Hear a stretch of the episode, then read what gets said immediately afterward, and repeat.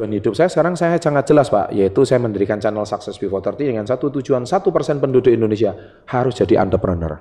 At least saya membantu program pemerintah untuk menciptakan wirausahaan-wirausahaan yang baru. Dan teknologi ini Budaya lama jadi budaya baru. yes, menghancurkan semua tatanan yang sudah Iya. sudah pernah ada. Berarti Sunda Empire benar ya Pak ya? Saya juga enggak tahu ketika belum kejadian ini kayak komedi. Tapi setelah kejadian Kok ada benernya gitu ya? somehow kok make sense gitu ya. Kalau ada orang nggak seneng A sama B, kalau berhadapan dia nggak berani pak. Tapi kalau di media pak, berani dia pak. Saya tahu jawabannya itu Pak. Jadi gini, Selamat datang di Survival Talk Madam Chang TV. Seperti biasa di subscribe dan di lonceng. Kali ini kita kedatangan tamu yang sangat-sangat luar biasa. Rupanya bisa nih dijadikan mentor saya juga. Yuk kita langsung. Selamat datang di Survival Talk Madam Chang TV, Pak Chandra Putra Negara. terima kasih Pak Rudi, thank you. Boleh lepas masker? Oh iya kita lepas masker aja. Ya, terima kasih. Oke. Salam bertahan hidup Pak. Salam bertahan hidup. Mantap.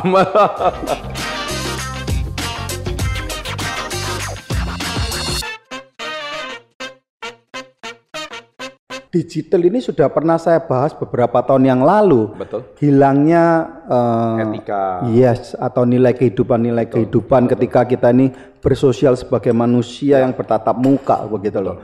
Mungkin kadang-kadang orang begini pak, kalau ada orang nggak seneng A sama B, kalau berhadapan dia nggak berani pak. Tapi kalau di media pak, berani dia pak. Saya tahu jawabannya itu, Pak. Jadi gini, kita tahu orang introvert itu dominan di dunia ini. Introvert ya, Pak ya, bukan Yes. extrovert. Nah, orang-orang introvert ini dulu tidak berani, Pak, mengekspresikan diri. Dia di rumah tertekan dengan orang tuanya. Dia keluar rumah tertekan sama lingkungannya. Dia seorang introvert. Dia di sekolah dibully sama temennya. Ya. Sehingga dia eh, tidak bisa mengekspresikan diri. Yang ada adalah penyesalan diri, penghakiman sama diri sendiri. Nah, ketika booming sosial media, Pak, dia menemukan dunianya. Ketemu alatnya pak. Dia Ketemu satu medianya. Yes, finally, saya bisa mengekspresikan diri. Kalau enggak, mereka juga bisa gila. Pak. Nah, akhirnya keluarlah bahasa-bahasa sumpah serapa, bahasa satu kebun binatang, dari binatang yang saya tahu sampai binatang yang saya juga tidak tahu. Nah, dari situlah saya ketahuan bahwa inilah problem yang terbesar yang dihadapi dunia saat ini. Mental illness. Ini bahaya. Sehingga banyak orang jiwanya ini bermasalah. Mentalitinya bermasalah. Karena dia bebas mengekspresikan. Jangan salah Pak, saya pernah di hate komen Pak. Saya membangun channel ini setengah mati, modal-modal sendiri. Keluar modal juga tidak sedikit, tujuh tahun yang lalu Bapak pikir. Ada aja yang ngomong, oh ini pengusaha gadungan. Gitu. Cari uang dari AdSense, coba Bapak lihat. Ini yang komen ini siapa gitu. Setelah saya cek Pak, cuma anak SMP Pak. Anak SMP tahu apa sih tentang bisnis Pak? Pak, apakah kalau kita kembali lagi pak ya? Iya, betul. Eh, pendidikan rumah tangga itu penting ya pak. Nah ya justru itulah. Maka itu maaf kata-kata saya yang Iya. kadang-kadang sering saya gunakan Pak ya. Orang pintar melahirkan orang pintar yang lain. Dan kemudian orang bodoh melahirkan orang bodoh yang lain. Nah ini loh Pak, untuk cut ini gimana Pak menurut Pak Chandra untuk kan ini? ya harus ada survival talk, Pak. Supaya orang bodoh jadi pinter. Supaya orang-orang yang mau punya panggilan untuk bangsa ini, mau berbagi, dan akhirnya suatu hari dia menemukan yang sama, orang-orang kayak Rudi Papacang ini harus lebih banyak di Indonesia, menurut saya. Dengan Bapak bisa berbagi insight-nya Bapak, Bapak memanggil narasumber yang berkualitas, kompeten, ini kan mencerdaskan mereka yang bodoh itu tadi, Pak. Jadi kalau boleh Pak Chandra ini bukan hanya mentorin anak-anak di bawah 30, mentorin orang-orang yang ingin atau punya passion, punya vision untuk membuat dunia ini jadi lebih baik mungkin Pak. Ya, saya rasa Sudah saatnya itu Pak. akhirnya seperti itu. Nyari duta-duta lainnya Pak. iya kan Pak? bisa jadi, bisa jadi. Jadi kalau bicara soal tadi mindset, Pak, kalau di buku saya yang terbaru, saya bilang ada tiga, Pak. Kalau di peradaban baru ini kita mau maju, jadi industri 4.0 ini kan artificial intelligence ya, semua sudah eh, pakai AI, Pak. Sekarang kita pakai scan barcode itu kan AI, Pak. Zaman dulu kan nggak mungkin, Pak. Kemudian IoT, Internet of Things, segala sesuatu pakai internet. Bapak pakai jam itu kan bisa terukur heart rate-nya berapa. Itu kan semua terhubung dengan internet. Bapak hari ini jalan berapa langkah kan ketahuan.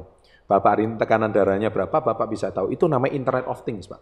Dan yang ketiga, Pak, ya kita tahu yang namanya big data atau semuanya pakai data. Bayangkan Pak, kita hari ini buka uh, sosmed apa, nggak lama lagi iklannya muncul dengan Oh, sesuatu yang kita cari. Ngeri, Pak. Nah itu kan namanya big data. Besok-besok kita mikir belum cetek itu sudah langsung keluar, Pak. Nah, Artinya kan semua kerekod Pak.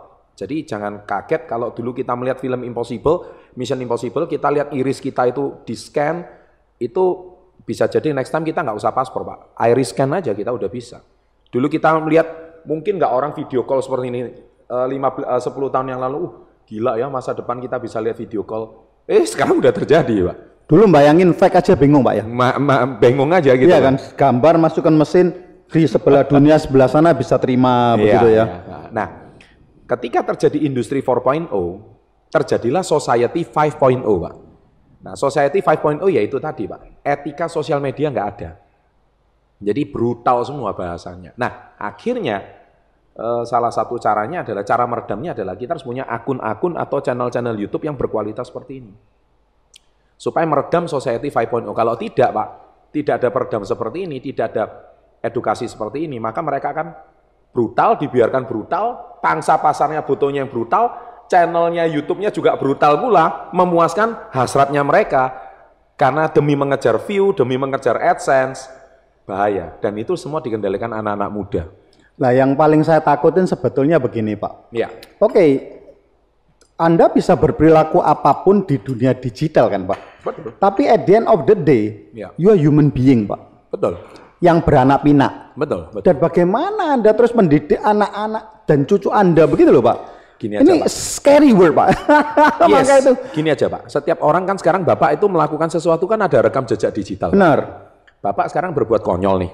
Anak kamu kan suatu hari bisa gede tuh. Dia nggak malu tuh bapaknya telah berbuat konyol seperti itu dulu. Kalau you siap nanggung malu sih nggak apa-apa. Pertanyaannya nih begini, Iya. Pak. Kadang-kadang orang ini tidak mereka itu sengaja melakukan itu dengan sadar ya, atau mereka kilaf, Pak. Eh, gini Pak, rupanya itu sekarang beda-beda tipis. Antara kilaf, jadi gini, ketika sebuah konten itu trending, dia nggak tahu bakal trending Pak. Bisa jadi dia itu hobi, nggak sadar, kilaf pula ternyata jadi trending. Karena karena saya saya memperhatikan satu atau narik benang merah. Saya senang mengamatin eh, Instagram, TikTok dan lain-lainnya itu, Pak. Ya, Kalau Anda itu baik-baik saja, Mm-mm. itu sulit menjadi perhatian orang. pasti. Ada satu account, Pak. Iya. Itu diciptakan, diciptakan itu satu salah satu perusahaan. Saya nggak tahu bagaimana mereka. Nyeleneh gitu Pak ya. Iya, artinya gini, cara dia berkomunikasi Ya, selalu marah-marah. ya, ya, ya. Dan kemudian stafnya kalau ngomong juga marah-marah pada bosnya. Dan itu booming, Pak. Yes. Dan itu kalau dilihat oleh orang-orang yang dalam arti eh, mencari identitas yang baru, baru lulus, baru wah, apa apa semua penduduk dunia tidak jadi begitu Pak lama-lama Pak. Bapak nggak bisa bendung itu. Suka atau tidak suka. Suka tidak Maka welcome to the scariest word in my life Iya, ini. iya, iya. Sehingga apa yang Bapak pelajari selama ini bisa jadi nggak berguna lagi. Kalau Bapak mau tetap survive, itu bahasanya. Bukan hanya Hmm. eh, behavior changing, Pak, Iya. tapi value of life. Ya, betul, betul. Dan ketika sekarang kalau Ya. Anda tidak berani maki orang, Pak. Oh, you're not on the game, man. Ya, ya, ya. Jadi maka itu saya melihat itu yang maki-maki itu orang muda-muda Yes. dan ini bicara dunia loh, Pak ya. Ya, Scary, Pak. Jadi sudah tidak ada lagi waktu saya kecil ini belajar yang namanya Sopan santun. sopan santun. Kita ini Budi adalah pekerti. manusia bebas Betul. dengan batas. Iya. Dan batasnya sekarang sudah nggak tahu di mana. kan zaman sudah no border, Pak. Borderless. Ya, sudah no border and borderless. Itulah era kita welcome to the this era gitu. Bahkan suka atau tidak suka, Pak, yang menciptakan semua ini, Pak. Mm-mm. Orang-orang pinter, orang-orang hebat yang menciptakan semua ini. Sekarang mereka ketakutan sendiri loh, Pak. Eh, gini, Pak.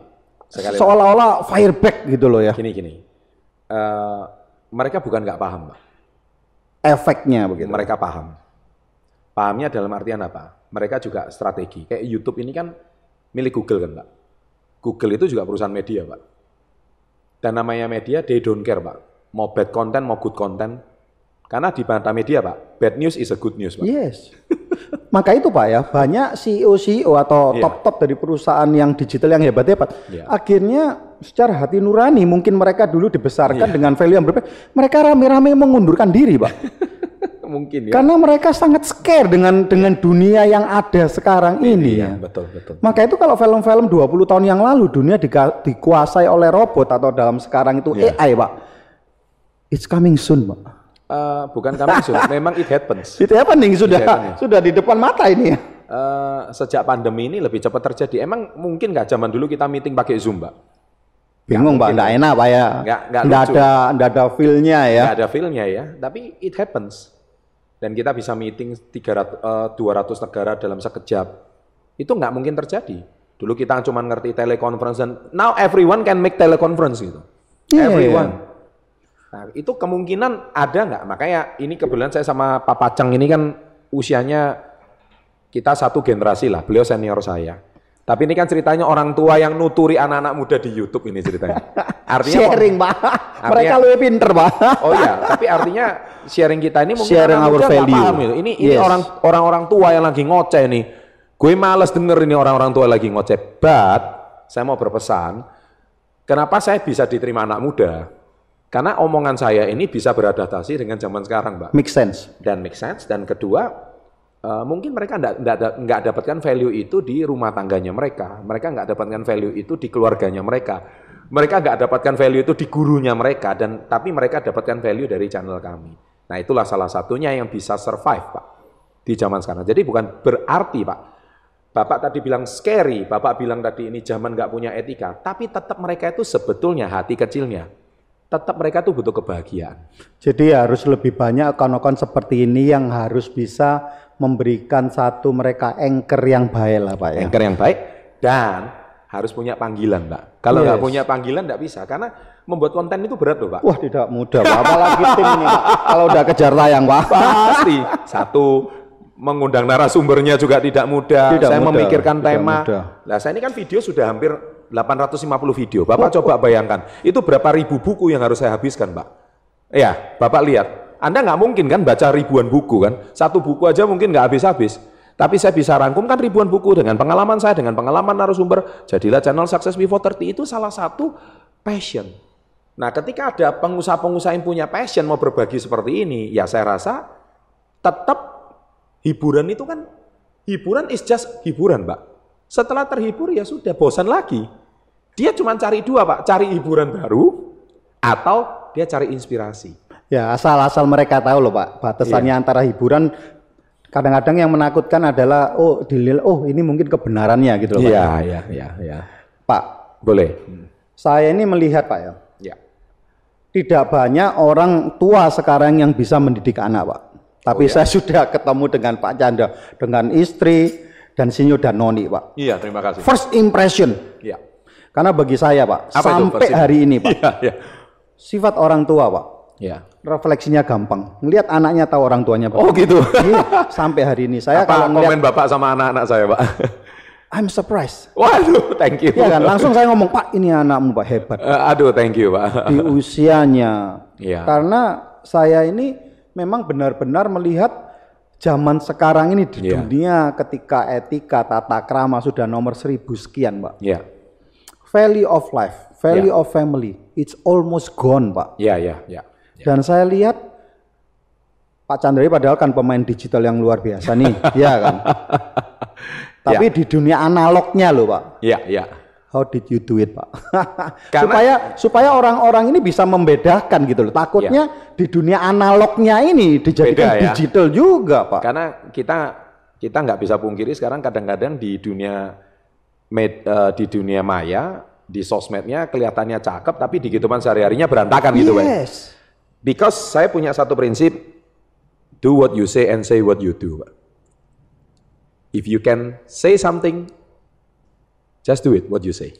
Dan hari-hari sekarang ini kan enggak hampir nggak pernah dengar kayak begitu sudah, Pak. Iya, itu urusan mereka, Pak, bukan urusan saya, Pak. That's why kalau kamu nggak sukses ya Bisa nggak kamu melakukan apa yang kamu katakan? Tapi yang mau saya tanyakan, Pak, Heeh. mereka itu kan tidak di-ban di media sosial. Ya. So, how? Untuk karena kan kadang kan kita nggak tahu mereka sedang lihat apa dan me- mendadak split second cut itu dijadikan belief sistemnya dia, Pak. Ya. Dan kemudian ya apa caranya Pak Chandra ini supaya nanti orang-orang di luar sana itu bisa mempunyai anak-anak yang benar-benar sangat sopan, sangat santun dan Ya. bukan hanya sopan santun mereka itu tertekan karena orang ada orang tuanya. No, mereka Tapi happy. di levelnya itu tinggi banget, Pak. Bener ya Pak ya? Ini ini ini Yes, omongan yes. jujur Pak ya? Saya pertama tempo hari langsung, Pak, anakmu hebat, Pak. Aduh terima Cara kasih. hand-nya, caranya semua ini Iya, benar-benar iya, di saat sekarang nih hanya orang berani hidup dalam digital. Iya, iya. Ketika Ket- hidup di Ketemu dalam langsung. dunia analog, dia tidak berani. pede sama Tatapan sekali, mata Pak. aja nggak bohong. Yes. Iya, iya, iya. Gini Pak, saya ini kan basically kan, ya kalau jadi ngomong di gini ketahuan usia aslinya gitu ya. Sebenarnya masih muda sih. Eh, basically kan saya ini orang offline Pak, bukan orang online. Tapi ada seorang anak muda yang meyakinkan saya untuk terjun ke dunia sosial media itu 10 tahun yang lalu sebetulnya. Jadi YouTube itu baru 7 tahun, tapi 10 tahun yang lalu saya sudah bermain di Facebook dan Twitter. Em, Bapak tadi ngomong satu kalimat saya setuju banget tentang keluarga. Saya rasa pendidikan keluarga itu yang paling utama. Cerminan seorang orang tua itu kan bagaimana sikap anak-anaknya. Yes. Bagaimana dia happy dengan kehidupannya. Bukan dia bermuka topeng. Di depan berkata iya, di belakang berkata tidak. Ya. Nah, eh, anak-anak saya saya besarkan bukan dengan ketakutan, Pak. Anak-anak saya saya besarkan dengan keyakinan. Saya eh, kalau saya dulu di tempat orang tua saya keras banget, Pak.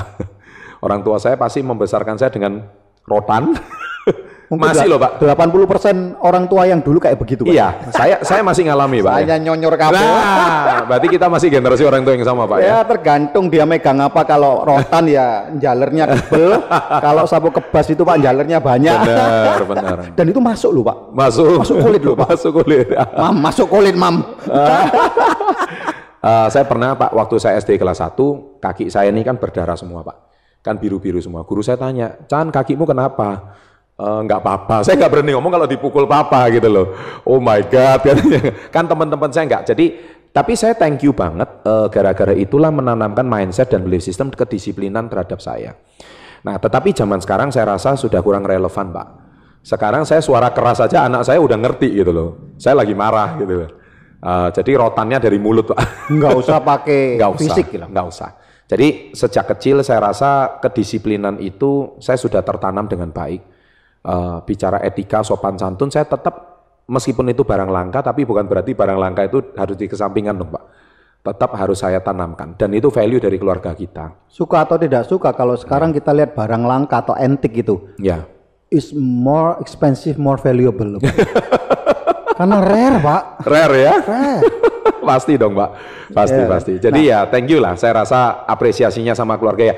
Karena pekerjaan membesarkan anak itu kan pekerjaan seumur hidup ya Pak, menurut saya ya. Jadi artinya eh, cerminan Bapak tadi saya setuju banget, cerminan orang tua itu kan melihat ah, putra putri. Jadi eh, saat ini pun putri saya itu lagi bikin akun Instagram. Ya, saya sudah berpesan. eh, kalau akun Instagram putri saya itu saya di saya follow aja, saya follow Pak dari Instagram saya nggak lama dia punya followernya akan naik dengan jumlah yang sangat besar. Tapi dengan segala risiko dan konsekuensi. Saya pesan sama putri saya, kamu bikin Instagram tujuannya apa? Wah, beliau kan suka nonton YouTube. Dia bebas mau bebas berkreasi. Dan tiap hari seperti anak kecil Pak, usia, usia 7 tahun, dia ngomong, hari ini follower saya nambah Pak, jumlah like saya nambah. That's it, itulah dunia kita zaman sekarang Pak. Jadi semua itu diukur dari jumlah like, jumlah komen, jumlah share, jumlah Ya, subscribe prestasinya. prestasinya. Tapi saya bilang sama beliau, apa yang saya didik, kamu boleh bermain di Instagram, boleh bermain di sosial media, tapi satu hal, papa mau pesan, ya, ja, eh, yang terpenting kamu tahu teman-teman papa, kamu tahu lingkungan papa, kamu tahu teman papa yang siapa datang ke rumah, kamu tahu teman mama, hanya sebatas itu. Kalaupun ada teman yang di luar papa dan mama, abaikan saja. Ini ngomong sama anak usia 7 tahun tidak mudah. Tidak mudah. Tidak mudah. Pura-pura ngerti belum tentu ngerti karena belum dia, beliau, eh, dia belum tentu paham. Karena apa yang dia tonton kita kontrol kan setiap hari. Ada parental guide, ada advisor guide. Dan yang kedua, saya bilang kamu tidak boleh kehilangan kebahagiaanmu. Itu yang paling utama. Karena apa? Sampai saya punya anak kedua itu namanya Neila Nandita Negara, Pak. Saya kan Chandra Putra Negara. Nandita itu kan artinya dari bahasa India artinya kebahagiaan. Saya nggak mau kamu kehilangan kebahagiaan kamu. Kamu anak wanita, kamu kunci utama harus tetap bahagia. Karena di zaman sekarang 10 orang belum tentu sepuluhnya bahagia. Iya, iya. Apalagi 1000 orang, mungkin yang bahagia mungkin cuma satu orang, Pak. 999 tidak bahagia. Dan bahagia itu akan menjadi barang yang sangat langka. Dan kebahagiaan tidak bisa diukur dari uang, tidak bisa diukur dari materi. Kita hari ini makan Indomie berempat di kamar yang kecil itu sudah bahagia, Pak. Nah, value-value seperti ini itu yang selalu saya tamankan sama anak saya. Jangan sampai kamu kehilangan kebahagiaan kamu. Kamu bisa nangis, stres, gara-gara kamu bermain sosial media. Jadi papa pesan, boleh. Kamu mau posting kucing kamu, kamu mau posting boneka kamu. Do what you like. Do what you like. Yang penting kamu bahagia. Tetap kita kontrol. Dan kita tidak boleh membatasi potensi dirinya. Nah, siapa tahu dia menjadi selebgram cilik, kita juga tidak tahu, Pak. Dan zaman sekarang bisa make money, miliatan, Pak. Itu miliatan. Yes. Cuman uh, saya tetap batasi secara psikisnya, karena kita tahu Pak banyak selebgram yang uh, hidupnya juga akhirnya berantakan. Karena dia tidak siap terkenal, dia tidak siap kaya raya, yang basic keluarganya mungkin bukan dari keluarga kaya raya, dia tidak siap mendapatkan social judgment. Nah, itu bahaya loh, Pak. Nah, itu akhirnya orang-orang kayak gini larinya larinya ke saya, Pak konsultasi psikis, Pak. ya kan? Om, saya harus ngapain, Om? Ya, akhirnya saya cukup banyak menghadapi generasi. Oh, yang mau mulai, kau harus mengakhirin. iya. Nah, Bapak tahu Justin Bieber kan, sangat terkenal. Itu kan basically dari seorang anak kecil yang dipoles, di make up sedemikian rupa dengan suaranya anak kecil, tapi akhirnya hidupnya sempat berantakan kan, Pak. Dan ya, akhirnya dia menemukan dirinya. Kita lihat Untung banyak, dia balik on the track. Iya. Nah itu akhirnya dia tidak siap psikis Pak, tidak siap tekanan. Kita juga melihat betapa banyaknya selebriti uh, sosial media seperti di Korea yang akhirnya dia harus bunuh diri di usia ke-25 tahun. Karena begitu fansnya nggak terima, sampai dia mengeluarkan kata-kata yang sangat tidak sopan dan tidak pantas, itu menjadikan dia tekanan batin. Akhirnya anxiety. Nanti saya mau sharing anxiety sama Pak Rudi di channel saya nanti. What is anxiety? Dan anxiety adalah the most very dangerous disease saat ini di khususnya di era sosial media. Yang Dan itu sebetulnya lebih bahaya daripada COVID, Pak. COVID. Iya, lebih bahaya dari COVID. Saya percaya banget itu, Pak. Tidak ada vaksinnya, Pak. Tidak ada vaksinnya dan itu juga tidak kelihatan, Pak. Tidak, Pak. eh, kalau virus masih bisa diteropong, Pak. iya, ini nggak bisa, Pak. Mau dipegang gimana? Nah, that's why dia nggak boleh kehilangan kebahagiaannya. Ya, karena follower, like, subscribe itu cuma semu. Kalau kamu nggak bahagia. Nah, sedangkan anak saya yang pertama, Nixon Nayaka Negara. Nayaka itu artinya pemimpin, Pak. Kalau bapaknya kan putra, Pak. Anaknya harus jadi pemimpin, Pak. Benar, benar. Dan saya percaya, si Nixon, uh, kamu sebagai cowok, ya, kamu harus mempunyai jiwa kesatria. Kamu harus bisa menjadi pelindung. Nah, tapi itu saya nggak ngomong itu waktu usia kecil, tapi sejak dalam kandungan, Pak. Jadi saya udah menanamkan belief system itu sejak di dalam kandungan. Saya sudah sering dengarkan dia kata-kata positif, uh, mindset positif, dan so far sampai hari ini ya, dia terjadi sesuai dengan apa yang saya harapkan. Nah itulah jadi tidak terjadi dalam sehari. Sejak dalam kandungan, saya sudah tanamkan itu. Saya, istri saya nggak pernah nonton channel gosip, infotainment, nggak pernah sama sekali Pak. Kalaupun dia nonton, dia sadar, eh nggak boleh. Karena ini lihat rumah tangganya orang berantakan, ini nanti anak saya. Jadi sejak dalam kehamilan, saya sudah putarkan dia Mozart, saya sudah putarkan dia tentang uh, saya kan dulu punya CD motivasi Pak ya. Jadi CD motivasi saya saya putar terus. Jadi anak saya itu sekarang Pak kalau dengar musik hot keras dia udah bisa joget-joget sendiri. Karena itu rupanya udah, udah familiar. Terkenal, udah familiar di dalam belief systemnya. Kalau Anda paham ini. Nah, sedangkan kalau Anda dari kecil uh, dibesarkan dengan lingkungan yang penuh dengan kecemasan, stres, konflik dan sebagainya, jangan kaget. Makanya Pak ada sebuah penelitian ada 12 orang narapidana di penjara, itu pernah diteliti. Mengapa Pak kok dia bisa di penjara? Rupanya dari 12-12-nya itu Pak, eh, hampir 90% mereka itu eh, kenapa bisa jadi narapidana? Karena mereka sudah sering melihat kekerasan fisik, kekerasan psikis sejak masa kecil. Sehingga dia kalau melakukan pembunuhan, dia melakukan kekerasan, itu sudah sesuatu yang biasa bagi mereka. Ya, ya bagi dia, oh ya gini cara penyelesaiannya gitu ya. ya, ya. Seperti itulah Pak. Nah, jadi menurut saya kalau Bapak tanya sama saya, how? Ya, saya sudah lakukan itu sejak di dalam kandungan, Pak. Itu rahasianya. Jadi subscriber nih. Jadi bagi pasangan muda atau Ya. yang masih jomblo ini penting. Iya, iya. Nah, benar.